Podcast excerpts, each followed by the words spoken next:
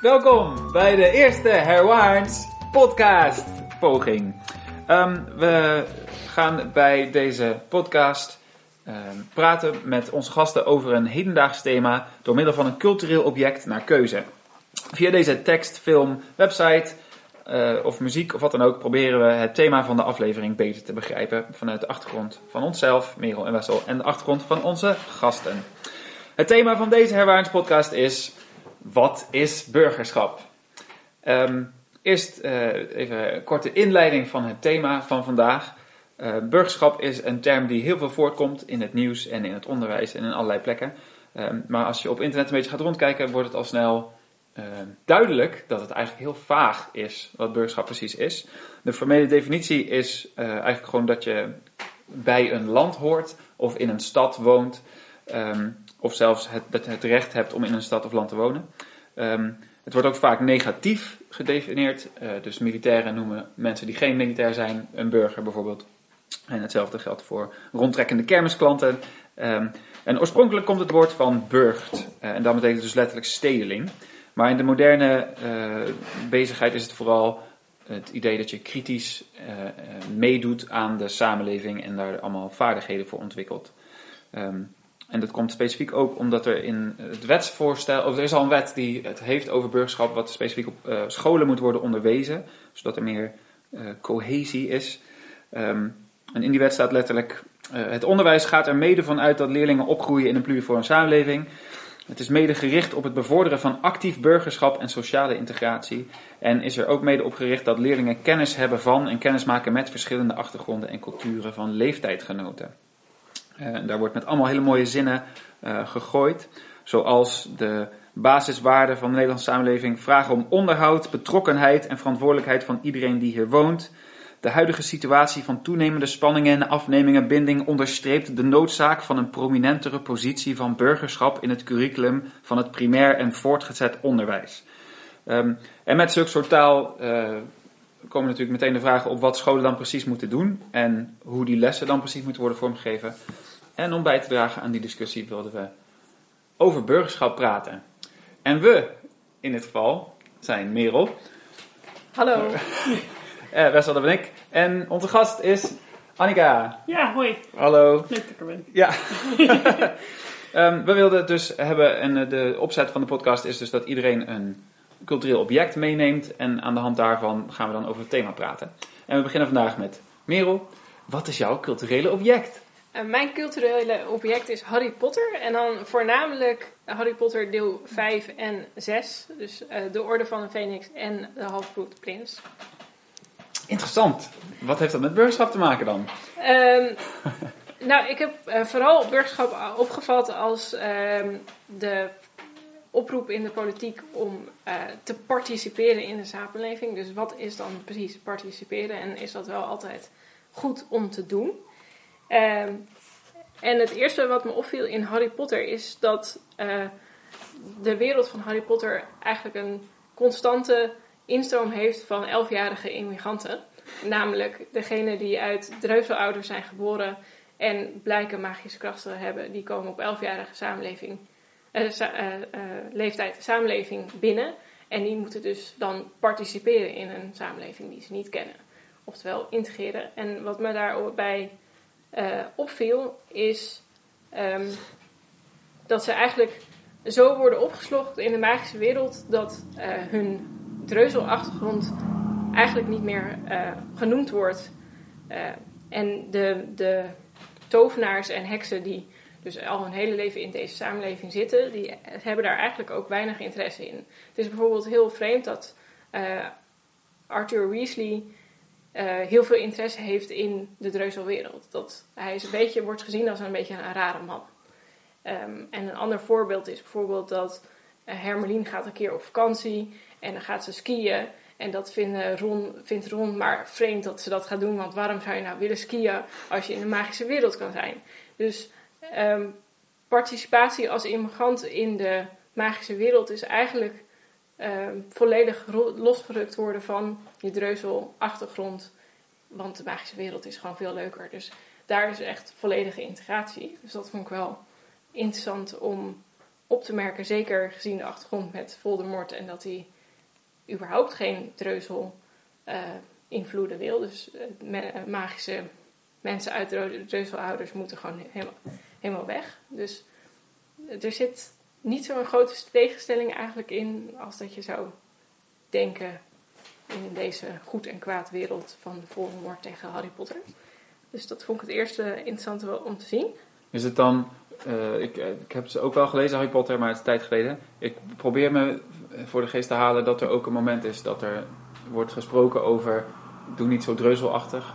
Of juist andersom, wat interessant dat jij deze dreuzelkennis hebt, als een soort onderdeel van een, een pluriforme samenleving, zoals het in, in de wet staat. Um, ja, er wordt natuurlijk wel een beetje gegrapt met dat Arthur Weasley zoveel interesse heeft um, in, de, in de dreuzelwereld. Er is dus een stukje in, in een film bijvoorbeeld dat hij aan Harry vraagt van... Uh, wat is precies de functie van een rubber badeentje? Nou, dat is natuurlijk hilarisch. um, en uh, Ron heeft op een gegeven moment dat hij gaat vertellen over verhalen uit zijn uh, kindertijd. Dus de, de echte kinderverhalen die elke magische, magisch kind heeft geleerd. En dat, die kennen Hermeline en Harry natuurlijk helemaal niet. En dat is echt, dat, dat kan hij haast zich niet voorstellen. Dus dat, er zit wel echt een split in. Dat, wat ik ook bijvoorbeeld heel interessant vind, want als elfjarige heb je je ouders bijvoorbeeld nog heel erg nodig. Ja. Um, en dat wordt dus eigenlijk een beetje buiten beschouwing gelaten in deze wereld. Ja, oké. Nou, valt dus ook wel dat het daar dus geen probleem is. Dat is wel, dat vind ik wel fijn. Want hier zouden we dat als een probleem ervaren. Het zou ook een probleem worden, laten we wel ja. wezen. De meeste elfjarigen denk ik dat, dat het een behoorlijk traumatische gebeurtenis moet zijn. Maar in dit boek speelt het, speelt het geen rol. Nee, precies. en het is natuurlijk makkelijker om het geen rol te laten spelen doordat ze uh, op een kostschil zitten. Dus ze zitten niet bij hun ouders. Mm -hmm. maar ze gaan natuurlijk wel elke zomer weer naar terug. Ja. Uh, maar dat is echt een volledig gescheiden, gescheiden wereld. En dat zie je ook bij Harry, dat hij zijn, zijn zomervakanties, dan is hij niet thuis. Dat is vrij letterlijk niet zijn thuis. Ja. Um, wat grappig is, want nu heb je het bijna letterlijk over dat onderzoek wat ook in het wetsvoorstel werd aangehaald. Uh, twee werelden, twee werkelijkheden, zoiets. Twee werelden, twee werkelijkheden inderdaad, van Margalit Kleiweg. Die uh, dat omschrijft in het Nederlandse onderwijs. Dat uh, bepaalde groepen leerlingen langs elkaar heen leven. En dat ging vooral toen tijden over de, uh, de mensen die misschien wel ISIS-strijder wilden worden. Die konden dan in dezelfde klas zitten met mensen die er dan meer traditionele Nederlandse waarden of zo op nahielden. En die konden gewoon dezelfde lessen volgen, maar daar heel andere dingen in zien. Ja. Maar in Harry Potter volgt natuurlijk iedereen eigenlijk gewoon de magische realiteit. Ja, en dat, dat is ook nog interessant, want uh, normaal gesproken ben je burger van de staat en die staat valt samen met ehm, het geografische land waar je in zit. Ja. En uh, bij de, in de Harry Potter wereld heb je natuurlijk de magische staat en de dreuzelstaat, maar die hebben hetzelfde grondgebied. Ja. In, en in principe kan je als uh, magisch persoon dus ook over het grondgebied lopen en zelfs daarin participeren, zou je kunnen zeggen.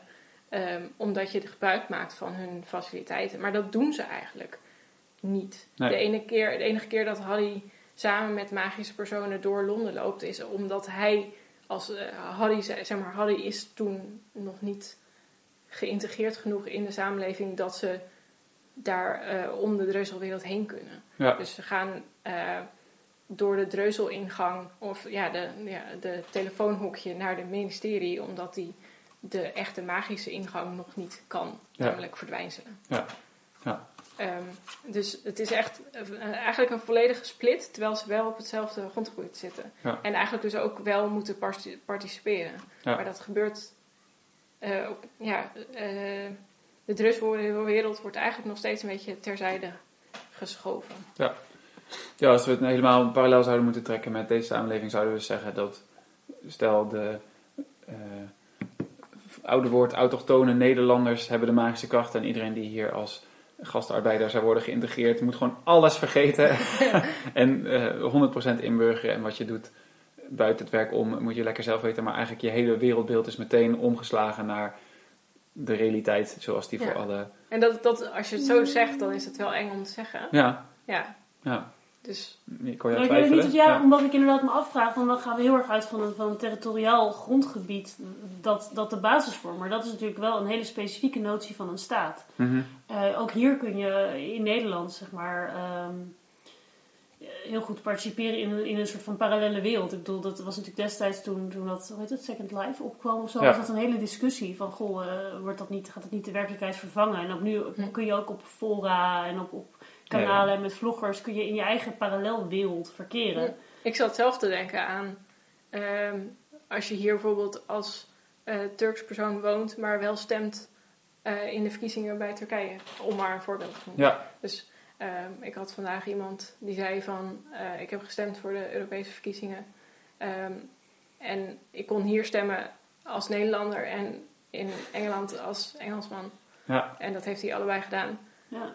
Wat nu samenkomt, omdat je dan burger van de Europese Unie bent. ja. Maar je zou ook ehm, als, Ne- als Nederlander in Australië kunnen wonen en dan stemmen op een, eh, een grondgebied waar je niet woont. Ja. En het, het grappige is dus dat, dat hele, die discussie van burgerschap gaat dus inderdaad heel erg over dat weer samenbrengen. En in Harry Ja. Potter is het eigenlijk juist, ja, het is Ja. gewoon één ding. En er is wel een ander ding, maar daar hebben we het eigenlijk niet over. De drugswereld doet er eigenlijk niet toe. Terwijl in, in de werkelijkheid is de veelzijdigheid ervan juist iets wat tot problemen leidt. Waardoor we met actief burgerschap moeten zorgen dat we toch die ver- de verbindingen tussen die groepen... Nou ja, dat, is, dat is een ideologie die wij nu hebben. Wij Ja. willen graag die verbondenheid. Maar je kan op zich best pleiten. Kijk, het gaat tot, tot zeg maar Voldemort aan toe. Maar het gaat op zich... in die Harry Potter wereld gaat het heel goed. Ja, Het is, dit is Ja, geen want ze, probleem. want ze strijden uiteindelijk voor dat de, Dat de is geen dreuzel irritant. geboren kinderen, eh, magiërs, wel eh, een plek hebben in de samenleving. Ja, maar wel in, in hun samenleving. Ja. Precies, wel in Het hun is, het, is samenleving. niet, het is niet een issue dat ze eigenlijk vinden dat, dat deze twee werelden moeten integreren. Dat is niet Nee. aan de hand. Nee, Dus je kan ook zeggen, ehm, de, de, de relatieve harmonie, ook al is het in een soort van blissful eh, ignorance, Ja, werkt wel. ja, En Ja. er zijn natuurlijk ook nu wel, nou ja, we zien het nu als een bedreiging dat het groepen mensen steeds gescheidener leven. Maar op zich kun je ook beargumenteren dat het gewoon menselijk is, dat iedereen gewoon hun eigen vriendjes opzoekt. Wat, Ja. wat is er mis mee? Nou, wat, wat ik dan zit te denken is dat in Harry Potter is het heel makkelijk. Want je kunt gewoon iemand een toverstok geven en kijken of ze kunnen toveren. En dan weet je bij welke groep iemand hoort. Want Ja. je kunt gewoon zeggen, jij kunt toveren, dus jij hoort bij ons. En jij niet, dus jij niet. Nou, en in, mm, in de werkelijkheid is dat natuurlijk wat ingewikkelder. Je hebt natuurlijk ehm eh, Filch. Ik weet even niet hoe, hoe die in het ehm, Nederlands heet. Maar dat is een eh, uit magische ouders geboren, niet magisch Ja, persoon. Die zijn er vrij veel, dat komt ook Ehm, voor.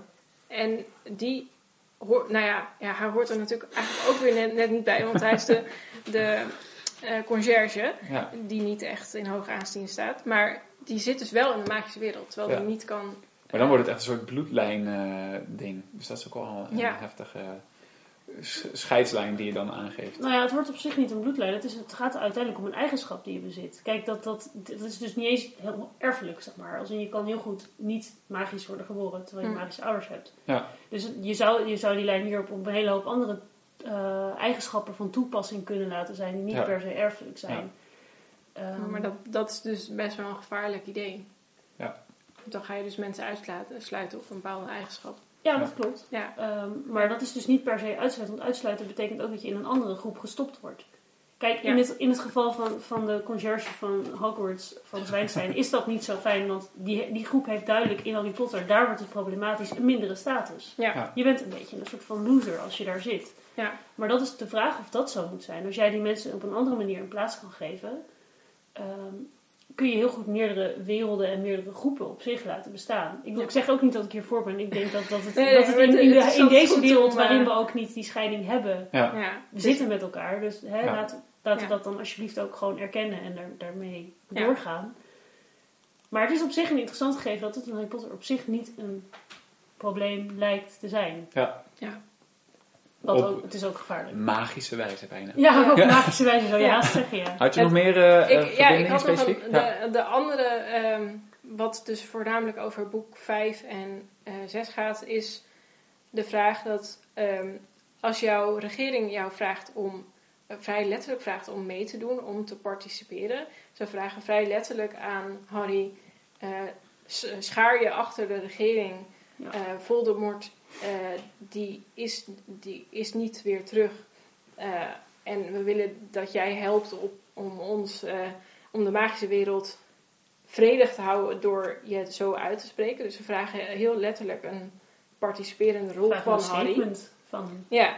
ja. Um, en Harry zegt dus, nee, dat doe ik niet. Dus hij zegt, ik participeer niet meer in deze samenleving. Hij gaat straks ook van school af, wat daar ongeveer, dat is echt een, een heftig ding om te doen in die wereld. Um, en hij zegt, ik ga tegen de regering in. Ik ga op mijn eigen houtje, dus niet meer participeren in de samenleving, ga ik dit oplossen. En hij blijkt later gelijk te hebben, want Voldemort is wel terug. Ja. Is hij, en nou ja, bijna, het is bijna een retorische vraag, maar is hij dan een goed burger? Want hij heeft, uh, ja, hij heeft niet meer geparticipeerd in de samenleving, maar daardoor doet hij eigenlijk het goede. Dus wanneer nou, hij heeft niet geparticipeerd in de zin van geconformeerd, maar hij heeft wel degelijk geparticipeerd. Hij heeft een plaats gekozen in een debat dat er was. Met een minderheid. Precies. Maar hij heeft gekozen. Dus participeren is niet per se altijd hetgeen doen wat de regering zegt dat je wil, dat ze willen dat je doet. Nee. En het ingewikkelde daaraan wordt dan weer, wanneer zegt een regering dat zo expliciet en weerspiegelt dat dan dan komen we in allemaal discussies over democratie. Weerspiegelt dat dan de waarde van de meerderheid of de, de waarde van het gemiddelde? Of een soort uh, veto? Ja, er is in ieder geval één iemand in Nederland die vindt dat dit ook belangrijk is, dus daar moeten we ook rekening mee houden. Hm. Ja, waaraan conformeer je dan of waarin ben je dan mee discu in mee discussie? Wat, wat, waar ik bijvoorbeeld aan moest denken toen ik um, uh, dit hierover na aan denken was in Harry Potter is.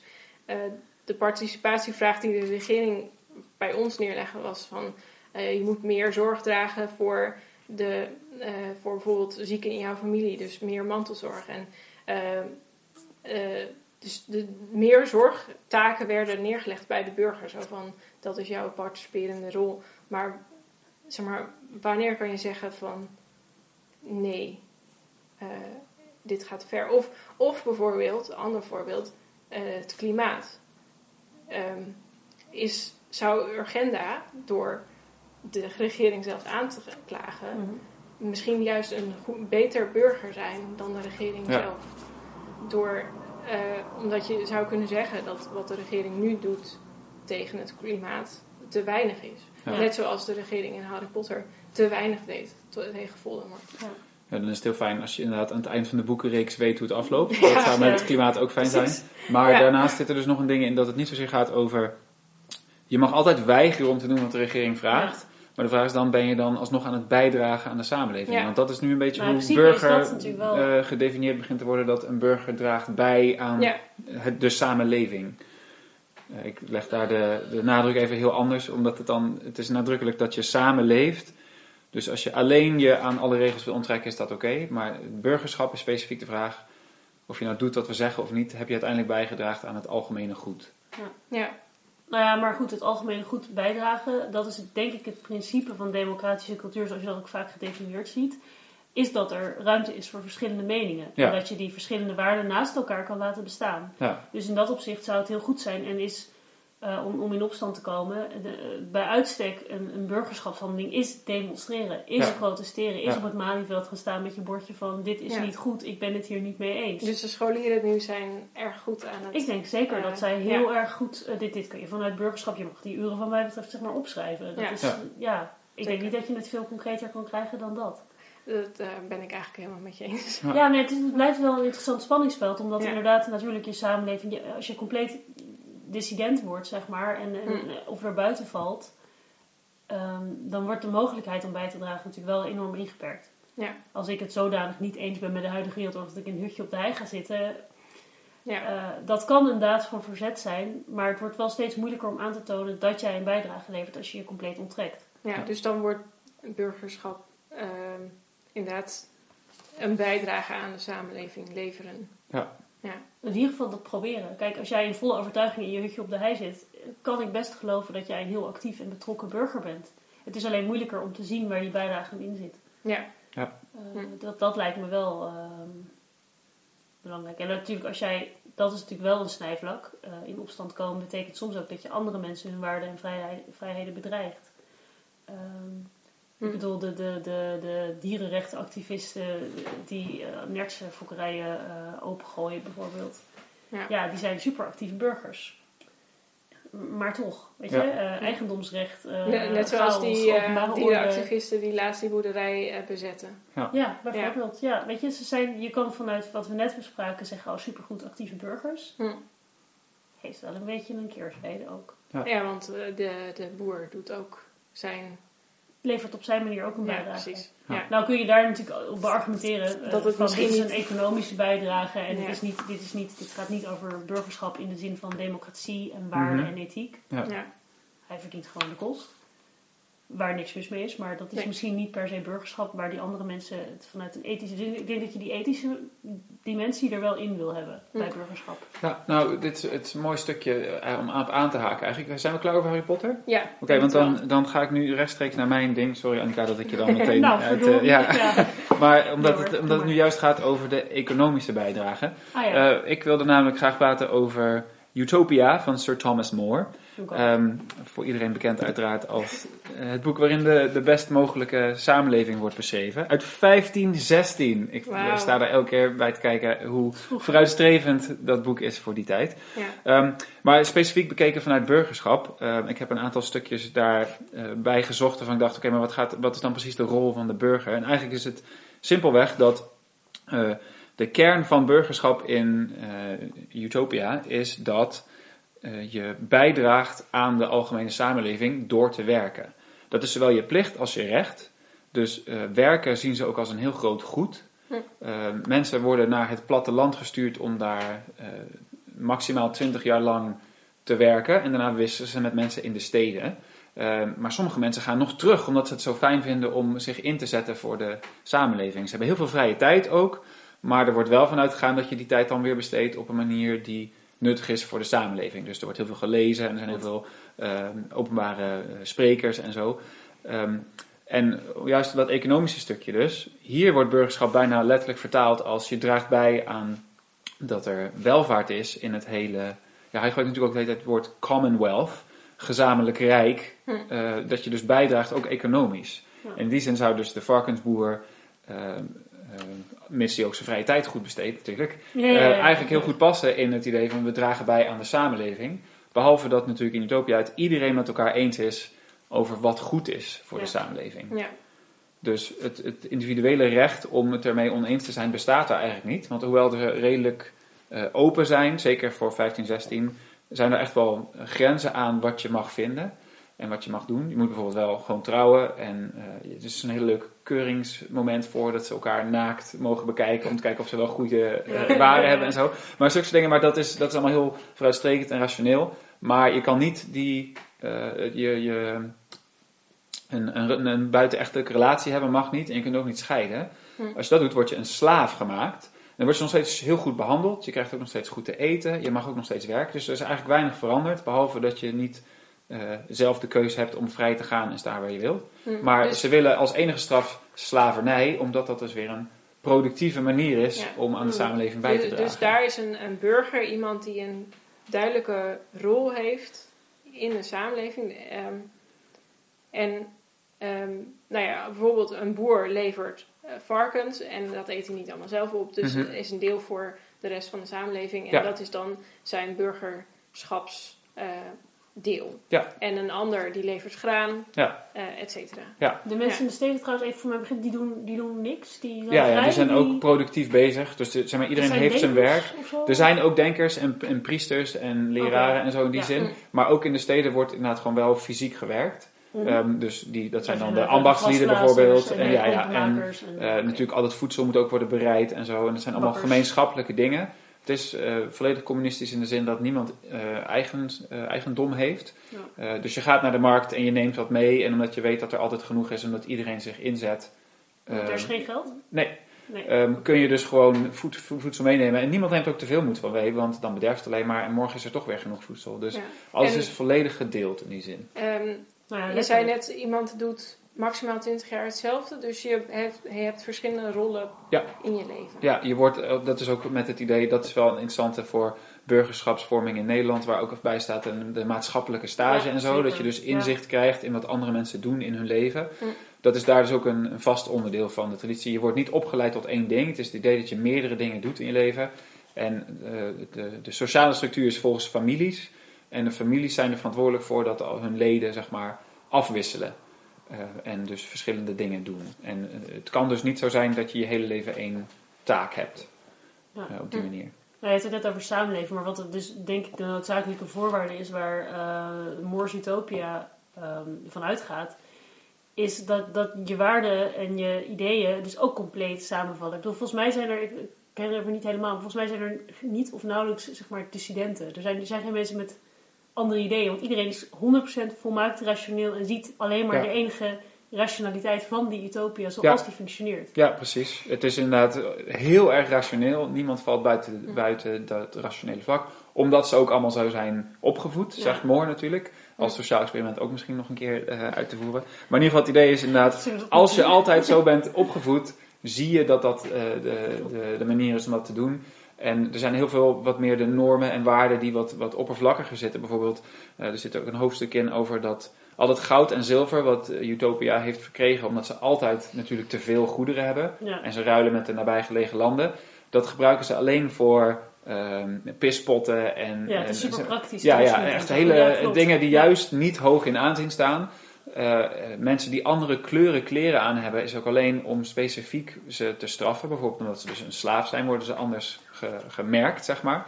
Um, Edelstenen zijn alleen voor kinderen. Ja, um, en dat zijn allemaal van die normen die ontstaan. Dus als mensen gaan pronken, dan, dan heeft iedereen zoiets. Ja, dat, die is raar. Je loopt ja, met dat doe, je, dat doe je toch niet? Je bent toch geen kleuter? Um, en dat is, dat is ook zo'n zo'n norm die er helemaal ingegroeid is.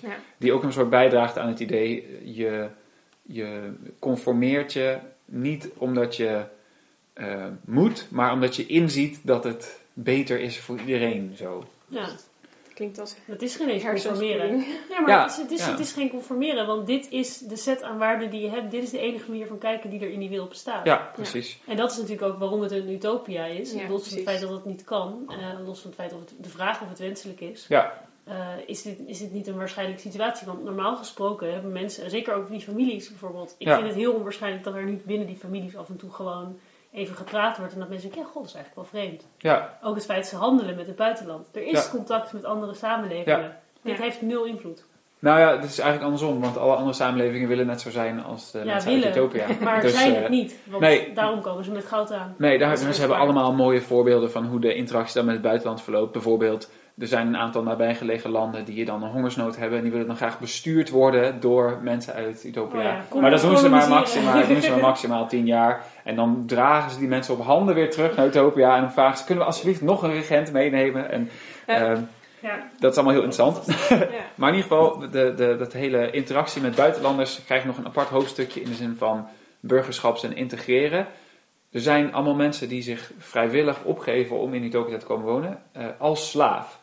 Oh ja. uh, en ze, komen, ook naar buitenlandse mensen als ze ten dode zijn opgeschreven. Zeggen ze soms, nou als je wilt kan je bij ons als slaaf komen werken. Want we hebben natuurlijk ook mensen nodig die hard blijven werken allemaal. En omdat ze daar zo goed behandeld worden allemaal en altijd genoeg te eten hebben en ook hun eigen vrije tijd hebben, is dat, is dat een aanlokkelijk. Uh, dus het is eigenlijk een soort integratie op basis van, nou als je hier wil komen wonen is het goed. Dus je moet gewoon hard werken voor ons. Maar dat doet iedereen. Dus er zit toch weer een soort gelijkwaardigheid in. Hm. Dus waar, waar ik aan moet denken met die, met die rollen die je moet vervullen, is het kastensysteem in India. Ja. Um, waar ook, um, maar daar, goed, daar heeft elk mens voor zijn leven dezelfde rol. Maar je hebt heel mooi verdeeld alle, alle, ja, alle beroepen die je nodig hebt in een samenleving, zijn heel mooi verdeeld over de kasten. En elk, uh, elke beroep heeft dus ook een mooi groepje binnen een kasten. Ja. Um, uh, en dat is jouw rol in je leven. En, maar dat, dat is natuurlijk in het kastsysteem uh, best wel verstrikkend, omdat je er niet uit kan. Ja. En hier heb je dan nog dat je kan, kan wisselen tussen de rollen. En dat je, moet dus, wisselen zelfs. Ja, um, dan wellicht waardering krijgt voor alle verschillende rollen in de samenleving. Ik denk dat dat een beetje het idee daarachter ja, is. Zeker. Dat het idee ja. is dat ze dat op voorhand al hebben. Ik denk niet dat het hier in vraag is dat mensen neerkijken op een van die beroepen. Want nee, natuurlijk, ze zijn nee. allemaal rationeel. Ze zien van alles die waarde is.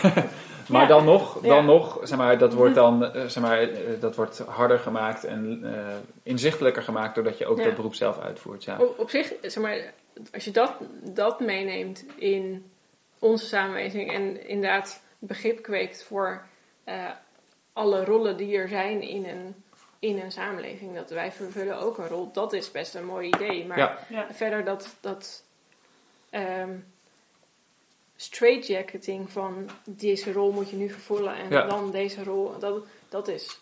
ehm, dan, dan heb je burgerschap zonder iets anders. Ja. Ja, en dat is, dan, dan heb je geen individue, individuele gevoelens of Ja, meningen dan, meer. Dan ben je inderdaad. alleen een, een burger, een pion. Ja, Ehm, precies.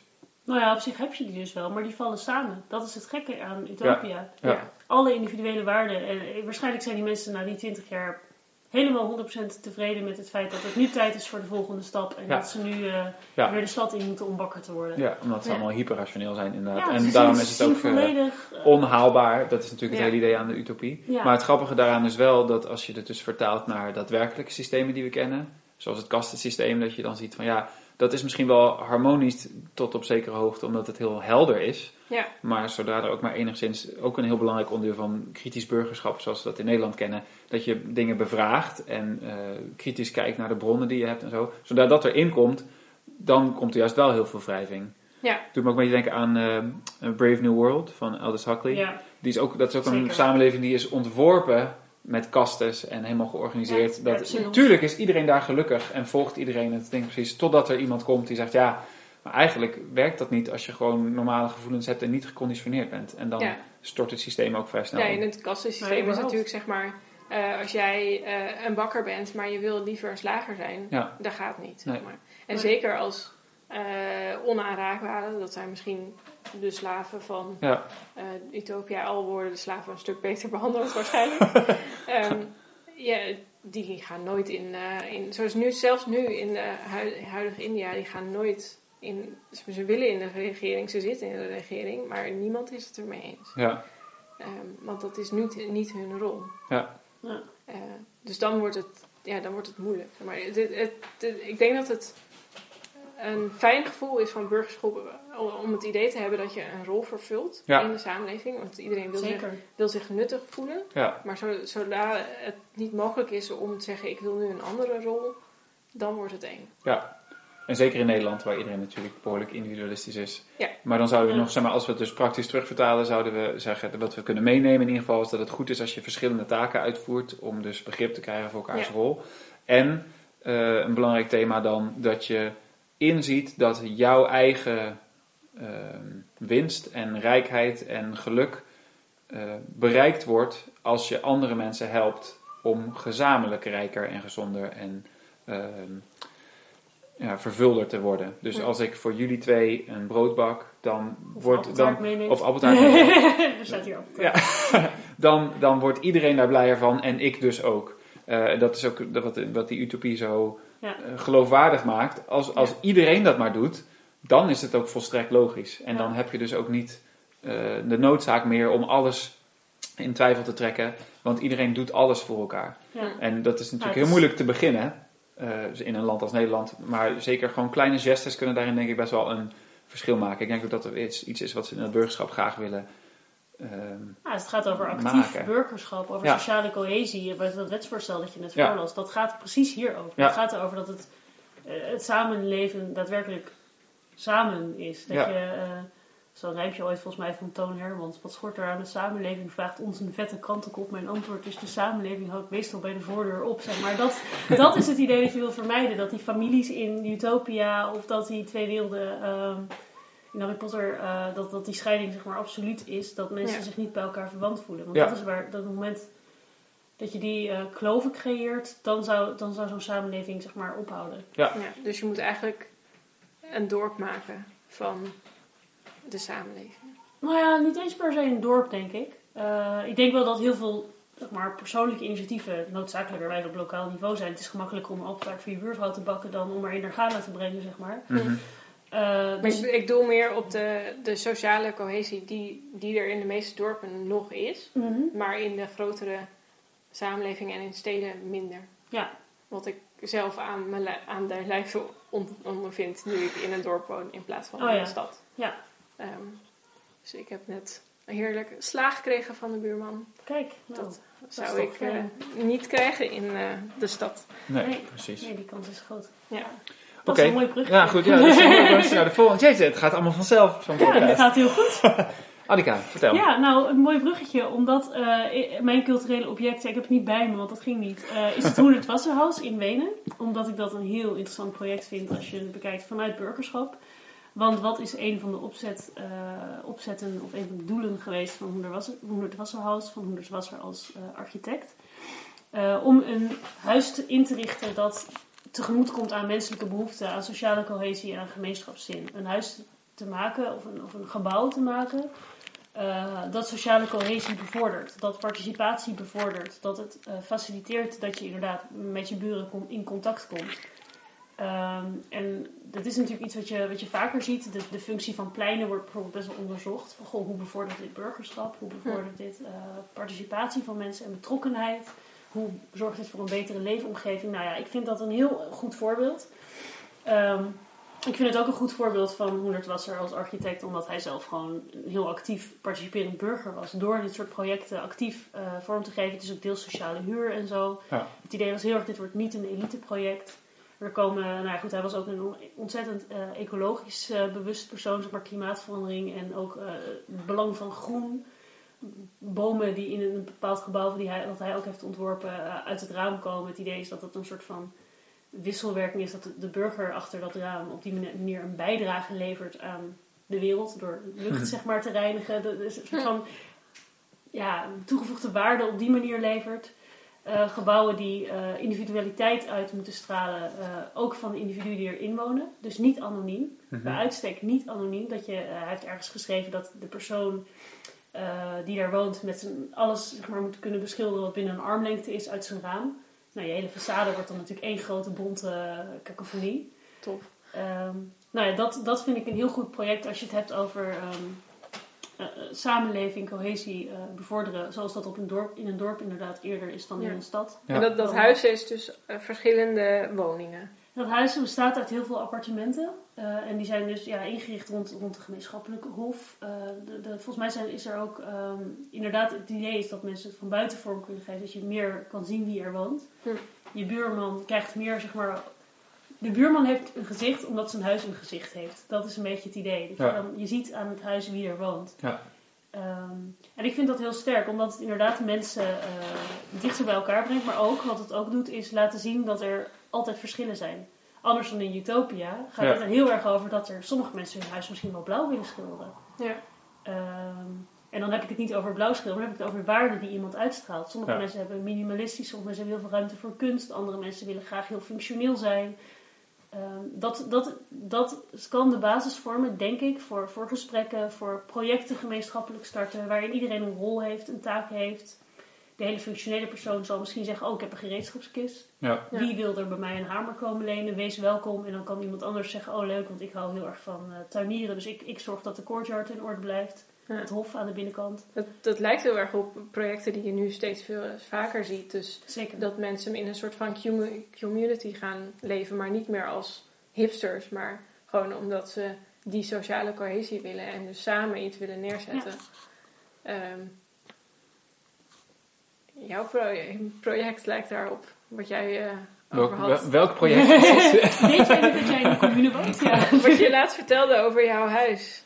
Ik weet niet of je dat wil delen. Oh ja hoor, ja, nou om te bedenken dat, dat uh, het grote huis waar ik in woon, dat daar meerdere alleenstaande ouders in zouden kunnen wonen. Dat ja, dat ja, ja, precies. Ja. Dat, dat je dan dus ook op elkaars kinderen kunt letten. En omdat je het een groot huis is, wat mensen niet alleen zouden kunnen betalen, um, maar waar je wel kinderen goed in kunt opvoeden, omdat bijna niemand in zijn eentje een huis met twee slaapkamers kan betalen. Zeker niet in regio Utrecht. Dat dat dan inderdaad. Um, op die manier kan je dat gezamenlijk dragen en dus ook voor elkaar iets betekenen. Inderdaad. Ja. Dus dan, eigenlijk krijg je dan een soort van uh, mini-samenlevingjes. Ja. ja. ja. En maar daarin zit dan dus wel weer het gevaar. Hoewel jij zei, ja, het is niet per se het gevaar van, van, de, van afgesloten van de rest. Van ja, want je zoekt natuurlijk, zeker als het om een huis gaat, je zoekt mensen op die bij je passen. Ja. Uh, dat is natuurlijk wel een, nou ja, ik zie het wel als een, als een probleem in die zin dat ik niet zo erg. Nou ja, ik zie het, het lijkt mij een verarming als je daadwerkelijk alleen maar gemeenschap hebt van gelijkgezinden. Ik geloof wel echt dat diversiteit um, op een bepaalde manier ook weerbaar maakt. Dat is bij een ecosysteem zo. Ik denk dat dat bij samenlevingen ook zo is. Ja, eens. Eh, Maar wat vind jij dan van die ehm, ideeën eh, dat ze sociale huurwoningen naast gewone huurwoningen of particuliere huurwoningen en naast koopwoningen willen zetten in verschillende prijsklassen, zodat je dus ehm, door de verschillende ehm, ehm, ja, dus door de, verschillende inkomens, de verschillende inkomens, sociale dat, dat wordt eh, een, een soort van. dat je daardoor meer diversiteit Ja. creëert. Wat vind je daarvan? Ja, ik, mijn, mijn neiging is te zeggen, goed idee. eh, maar ik weet niet wat de concrete uitwerking hiervan is. Ik kan me ook voorstellen dat dat eh, misschien wel weer conflicten oplevert of zo. En of Ja. die dan wel of niet wenselijk zijn. Kijk, dat is een beetje het lastige. En dan maak ik hem rond naar burgerschapseducatie. Het idee is natuurlijk dat goede burgers goed kunnen omgaan met verschillen. Ja, De realiteit is anders. ja, Heel veel mensen kunnen helemaal niet zo heel goed omgaan met hun buurman die eh, toevallig heel graag harde muziek luistert. Of die eh, zijn tuin helemaal laat volgroeien met allemaal bloemen en onkruid en dingen. Ja. Dat hij dan denkt, ja maar ruim dat op, wees eens netjes. Er zitten allemaal verschillende waarden achter. Maar om dat te kunnen zien en om daar mee om te kunnen gaan met zulke verschillen, dat vereist wel een bepaalde houding. En ik, nou, dat is natuurlijk waarom dit burgerschapsonderwijs, die discussie nu is gestart. ja, Van hoe brengen we jongeren, kinderen, want het gaat al primair onderwijs, eh, gaat het al over. Hoe brengen we ze dan bij? ja. Dat ze kunnen omgaan met die verschillen en, en met, met, met, die, met die buren. Ja, Ja, en op basis van wat wij nu als drie stukjes hebben eh, onderzocht, zou je dan dus kunnen zeggen: Nou, zorg ervoor dat je eh, een hechte samenleving hebt. ehm, waarbij mensen meteen kunnen meedoen, volledig in kunnen opgaan, bijna kostschoolachtig. Maar waarbij ze, als het er eigenlijk op aankomt, wel kritisch kunnen zijn en zich in een minderheid kunnen scharen. Omdat dat ook kan blijken dat ze misschien gelijk hebben achteraf. Dus je kunt zeggen: ja, want nou dat ja, is net een wat er dus nog nauwelijks kan. Dat, is dus, dat zou je dan moeten faciliteren. Ja, want die school Ja. is eigenlijk geen goede democratische samenleving. nee, nee. Nee. de school niet. Maar Tenminste, dat, onder, onder Perkamentus wel, maar onder, god, hoe heet die vrouw van het ministerie daarna, is Ja. het duidelijk niet meer... Ambridge, Ja. Ja. maar ik weet niet meer in het Nederlands hoe ze heet. uh, Omber denk ik. Oh ja, Omber. Ja. Dorothea Omber. Nou ja, daar, daar is het, dan is het niet meer een Nee. democratische cultuur die daar heerst. Ja, precies. En daarin zit dan ook juist dus de, de valkuil. Ja. Dat als burgerschap betekent dat je, dat je de waarde van de grote groep moet aannemen, dan dat zie je meteen dat het, die, Ja, dat verarmt. Ja. Ja. En het, het is eigenlijk het tegenovergestelde van het burgerschap, hoe we het nu gebruiken. Hoewel het dus niet in de letterlijke definitie van het woord gevangen zit. Dus dat is misschien een beetje interessant Nee. als mensen zeggen burgerschapsonderwijs. Je zou ook namelijk goed kunnen zeggen dat in fascistisch Italië ze ook heel veel burgerschapsonderwijs Nou ja, dat denk ik dat je dat Eh, ook kan zeggen. Ja, want Eh, het, is die, alleen... die term is te ambigu daarvoor. Nou, dat, Ja. dat, dat weet ik niet eens. Het is, het is niet eens ambiguïteit. Het is wel degelijk ook dat die mensen heel betrokken zijn. En, en ook met een bepaalde... ehm, op een bepaald niveau zelfs misschien wel diversiteit. Want iedereen heeft een verschillende rol en dat wordt heel erg erkend. En je draagt ook bij aan het grote Italië als je inderdaad in een eh, fabriek schroefjes sorteert of zoiets Ja. dergelijks. Ja. Eh, dat, is, dat is net zo goed als een generaal. Dat is heel erg de ideologie. Ja. Dus heel erg burgerschap. Alleen Ja. de identificatie is anders. Wij hebben het altijd over identificatie met verschillende mensen in je directe omgeving en met verschillende ideeën en waarden. Die ruimte is er niet. Nee. En er is ook niet de ruimte om een andere rol aan te nemen. Nou, dat weet ik niet. Als in, je kan natuurlijk wel andere beroepen, eh, dat, dat wordt wel gesorteerd. Je mag alleen Ja. niet een andere rol aannemen qua ideeën.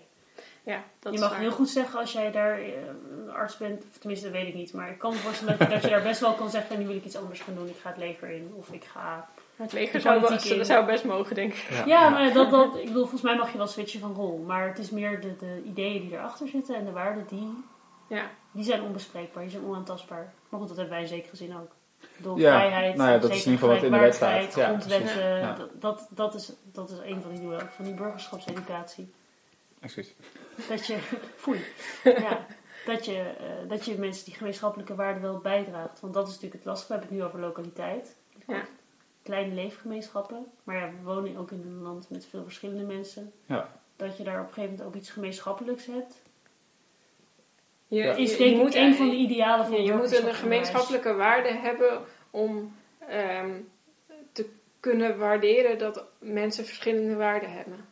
Ja, Ja. Er moet een soort kern zijn waar je burger van kunt zijn. Ja. Voordat je kunt zeggen, nou, in dienst van dat centrale idee kunnen we verschillende ideeën hebben en bijdragen Ja. op een manier die past. En dan heb je nog steeds eh, ook het probleem dat je waarschijnlijk, je bent burger van je dorp, je bent burger van je land, Ja. je bent burger van, nou in wij, ons geval, de EU Ja. en uiteindelijk van de wereld. Ja. Ja, Dus je, je, je gaat, bent altijd ehm, meerdere niveaus. Ja, op meerdere niveaus bezig bij te dragen aan Ja. Ja, of niet. Want je kan dus ook zeggen, ja, sorry, dit boeit me niet. Dat kan. Ik uh, ga me wel inzetten voor het uh, lokale uh, bejaardentehuis, maar verder wil ik er niks van weten dat ik in de wereld leef. Ja, dat, dat is een optie. Oké. Nou, dan gaan we het proberen af te ronden op het laatste stukje. Kijken of, het, of we dat voor elkaar kunnen krijgen. Nou, in ieder geval, we hebben heel veel... Ja, natuurlijk is nog zo wat te zeggen. Maar het is ook, dus ik, ja, ik denk dat het in ieder geval duidelijk is dat we erachter komen dat burgerschap een heel breed begrip is. Wat ook het, het, probleem is wat we hebben gezien in hoe mensen er op het moment ook over praten. Dat het van veel verschillende kanten te benaderen is. In de zin van, ja, is het nou juist inclusief? Of gaat het juist over diversiteit?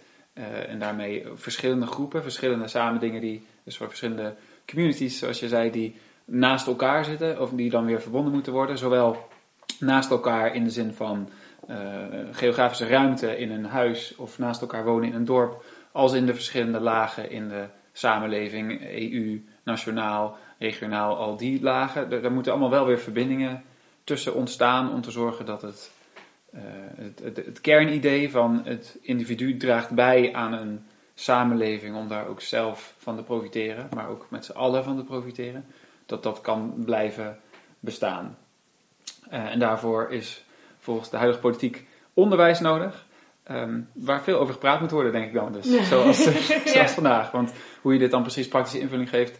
Um, er zijn allemaal websites voor en thema's voor, maar dat is heel ingewikkeld. Blijkt ook nu uit, uit zo'n gesprek, denk ik. Misschien gewoon heel veel, heel veel praten met je leerlingen over wat het nou precies is. Maar ik denk wel dat je moet starten bij een dialoog. Dat is wel dat denk dat je dat, dat het redelijk om. lijkt me altijd een goede optie. Oké, let op, want dan gaan we er nu een soort einde aan maken. Dat we dan zeggen, ja, je moet veel met elkaar praten. en dat dan eventueel opnemen in een podcast. En dat dan weer met elkaar delen. En iedereen die dit dus leuk vond en denkt, oh, daar moeten we ook een keer over praten. Nou, luister de volgende podcast ook. Uh, hopelijk vonden jullie het een leuke eerste aflevering. Um, meteen een oproep. Um, we, we, zoeken nog allemaal gasten en mensen die mee willen praten. Dus uh, uh, meld je vooral aan bij Meer of bij Wessel. En uh, we, horen graag wat jullie hiervan vonden. Uh, ik wil jullie nog een soort laatste doei dag zeggen, want anders dan zeg ik... Ik zeg gewoon dankjewel okay. voor het luisteren. Tot ja.